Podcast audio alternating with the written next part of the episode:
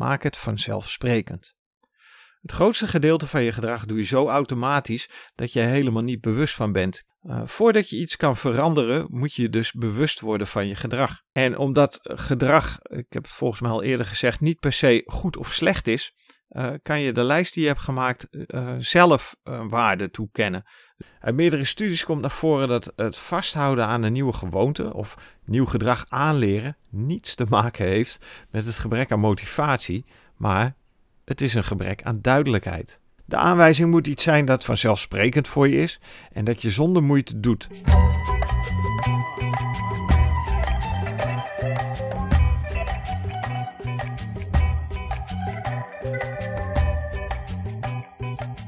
Hey, Rookstop Buddy hier. Wat super leuk dat je weer luistert naar deze aflevering van de Rookstop Buddy podcast. In deze aflevering, ja, ik wil eigenlijk gelijk van start gaan. Deze aflevering ga ik uh, de eerste regel om je gewenste gedrag te verduurzamen, er een gewoonte van te maken, ga ik de eerste regel behandelen. Het zijn er vier. En uh, om eventjes, uh, nou ja, niet de credits op mijzelf uh, te gooien. Ik heb de vorige keer al gezegd. Aan het einde van deze serie maak ik nog een, een lijstje met bronvermeldingen de afleveringen waar je nu naar luistert, eh, deze serie van het proces tot aan de vierde regel voor duurzame gedragsverandering, zijn gebaseerd op een boek van James Clear en in combinatie met een boek van B.J. Fogg, hoogleraar gedragswetenschap aan de Universiteit van Stanford. Ja, ik heb kennis gecombineerd. Ik heb het bij elkaar gevoegd. Uh, daar heb ik de rookstop buddy methode van gemaakt. Uh, vind je dat interessant? Luister je dit terwijl je nog rookt? Het boekje is te bestellen op mijn website www.rookstopbuddy.nl. Je kunt ook het volledige pakket aanschaffen. Dan krijg je direct contact met mij. We houden een intakegesprek. En uh, heb je hulp nodig op de momenten dat jij het wil, dan uh, ben ik er voor je via WhatsApp, Telegram of uh, een, een videoverbinding. Of wat we dan ook hebben afgesproken. Nogmaals, we gaan beginnen met de eerste regel voor duurzame gedragsverandering. De eerste regel is: maak het vanzelfsprekend. Het grootste gedeelte van je gedrag doe je zo automatisch dat je helemaal niet bewust van bent. Uh, voordat je iets kan veranderen, moet je dus bewust worden van je gedrag. En in het rookstoppen die notitieboek staan opdrachten om je uh, bewust te laten worden van je gedrag. En dat, uh, daar ligt het er niet zo dik bovenop zoals ik het nu benoem. Maar dat, is, dat gaat meer op een speelse manier. Dus dan kun je je aandacht meer vestigen op de methode om dus je gedrag te beïnvloeden. In plaats van nou ja, alle kennis erbij te pakken die ik nu met je deel. Maar dus even los van het rookgedrag waar ik me als rookstopbuddy op richt, ehm, kun je een lijst gaan maken van alle dagelijkse dingen die je doet. Van, en dan moet je echt tot in de details gaan werken. Van het ontwaken tot het naar bed gaan. Dus je moet denken aan, uh, ik word wakker, ik zet mijn wekker uit, ik ga op de rand van mijn bed zitten, ik loop naar de, ehm, naar de wastafel, ik ga me wassen, als dat je volgorde is. Al deze details beschrijf je in een beknopte vorm, want het kan een gigantische lijst worden natuurlijk. En voor de rookstopbuddy methode heb ik het opgeknipt in een aantal dagen. Um, nou, en met die lijst uh, krijg je dus uh, inzicht in je gedragingen. En omdat gedrag, ik heb het volgens mij al eerder gezegd, niet per se goed of slecht is, uh, kan je de lijst die je hebt gemaakt uh, zelf een waarde toekennen. Dus bij iedere handeling kun je zelf een waarde aangeven. En dat kan door het gedrag als positief, negatief of als neutraal aan te merken. Plusje, minnetje of een, een driehoekje, noem maar op. Bijvoorbeeld, na het uitzetten van je wekker, is neutraal, kijk je op je telefoon. Dat vind je negatief. En omdat dat gedrag is dat je liever niet doet. Daarna drink je een glas water, dat vind je positief, omdat je dat gedrag wel wil doen, enzovoort. Hiermee begin je en dan ga je in eerste instantie nog niets veranderen, maar je, wordt wel, je krijgt wel een mooi inzicht, een goed beeld van wat, je, wat er in je leven gebeurt. Of in de woorden van Carl Jung, totdat je het onbewuste bewust hebt gemaakt, zal het je leven bepalen en noem jij dat het lot. Het grote probleem bij het ontwikkelen van een gewenste gewoonte is dat voor veel mensen het een vaag begrip is. Uit meerdere studies komt naar voren dat het vasthouden aan een nieuwe gewoonte of nieuw gedrag aanleren niets te maken heeft met het gebrek aan motivatie, maar het is een gebrek aan duidelijkheid. Het is gemakkelijk om te zeggen dat ik ooit een fit lijf zal hebben, maar dit is te vaag om aan vast te blijven houden. Wat eraan ontbreekt is een tijd en een plaats om het concreet te maken. En iedereen kent de methode van SMART wel. Uh, nou ja, goed, die kun je erop uh, op toepassen. Tijd en plaats zijn de meest voor de hand liggende aanwijzingen die de kringloop in gang kunnen zetten om je te helpen je gewenste gedrag eigen te maken. Geef jezelf daarom de volgende opdracht om tot nieuw gedrag aan te zetten met, een, met de volgende formule. En deze formule die, uh, die is afkomstig van James Clear. Hij gaat als volgt. Ik ga op of om, en dan noem je de tijd, in welke plaats het door mij gewenste gedrag laten zien. En dan geef ik je eerst eventjes een uh, voorbeeld hoe het niet moet. Ik ga deze week meer fietsen. Beter kun je zeggen, ik ga deze week iedere ochtend naar mijn werk fietsen. En met deze uitspraak benoemde ik de tijd, iedere ochtend van deze week, en de plaats naar mijn werk. En de activiteit is fietsen, uiteraard.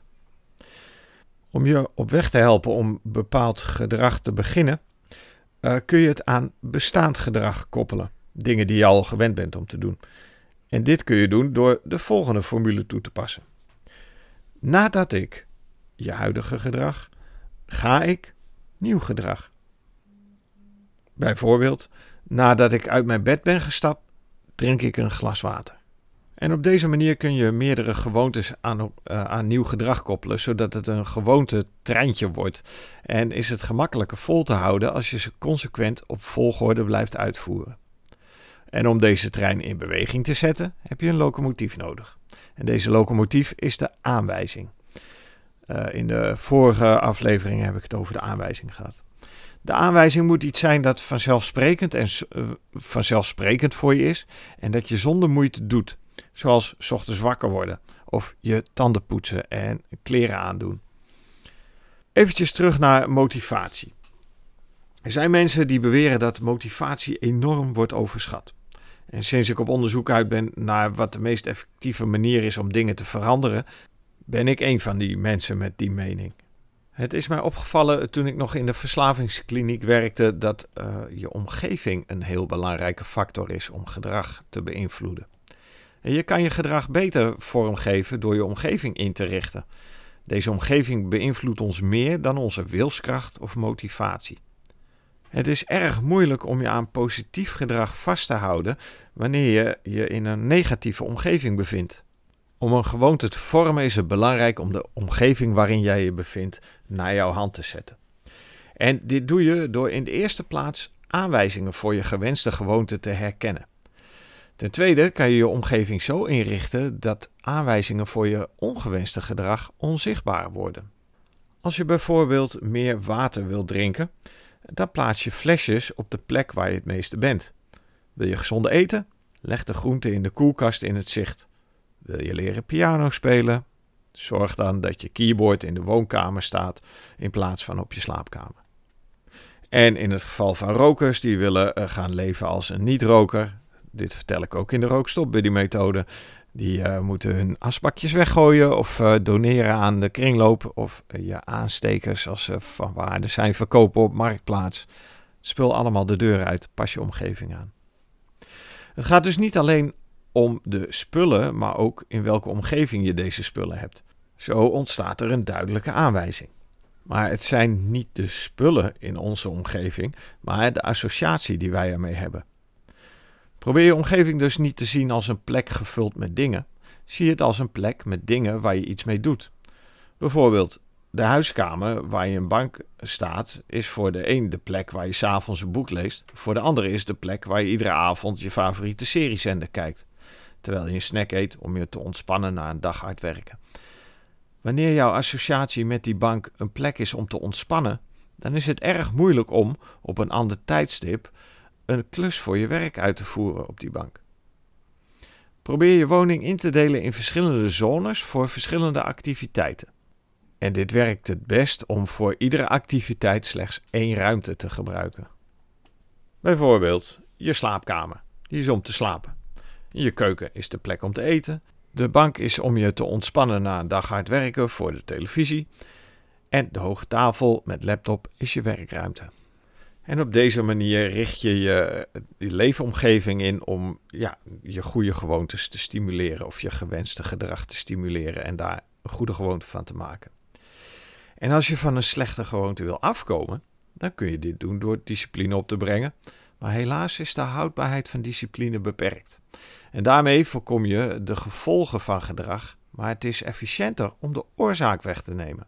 Dit kan je letterlijk doen door het onzichtbaar te maken. Je haalt de oorzaak, de aanwijzing voor je slechte gedrag weg uit de omgeving. Bijvoorbeeld, als je slecht slaapt omdat je te lang wakker blijft omdat je tv kijkt, dan haal je de televisie uit je slaapkamer. Heb je moeite om je te concentreren op je werk omdat je telkens wordt afgeleid door je telefoon? Leg je telefoon in een andere ruimte dan waar jij je bevindt als je werkt. En hier wil ik het voor deze aflevering bij laten. Uh, tot zover uh, de eerste regel om uh, dingen vanzelfsprekend te maken en je omgeving bij je gedrag te betrekken. Ik hoop dat ik je aardig wat met deze tips aardig op weg kan helpen om je gedrag te veranderen, hè, je ongewenste gedrag te verstoppen, letterlijk heb ik net uitgelegd, en je gewenste gedrag ja, te motiveren, te stimuleren door gebruik te maken van aanwijzingen in je omgeving. Dat is waar deze aflevering om ging. De volgende aflevering is uh, de tweede regel en dan gaan we het aantrekkelijk maken om nieuw gedrag uh, uit te voeren. En als laatste zijn er nou zaken die je uh, terug zou willen horen in de Rookstop Buddy podcast. stel ze gerust. Ik, ik neem ze mee, ik kan ze behandelen. Mooie voorbeelden van gedrag wat jij zelf hebt aangepast. Of zaken waar je tegenaan bent gelopen wat niet voor je werkte. Ik, ik pak ze op en verwerk ze in mijn opnames. Je mag me bellen, je mag me mailen. Laat een comment achter op de social media van Rookstop Buddy. En ik, uh, ik ga ermee aan de slag. Heel hartelijk dank voor het luisteren naar deze aflevering. De komende weken ga ik dus, zoals gezegd, uh, verder met het behandelen van de regels om uh, je gedrag te verduurzamen, zodat het een gewoonte wordt. Maak er een fantastische dag van.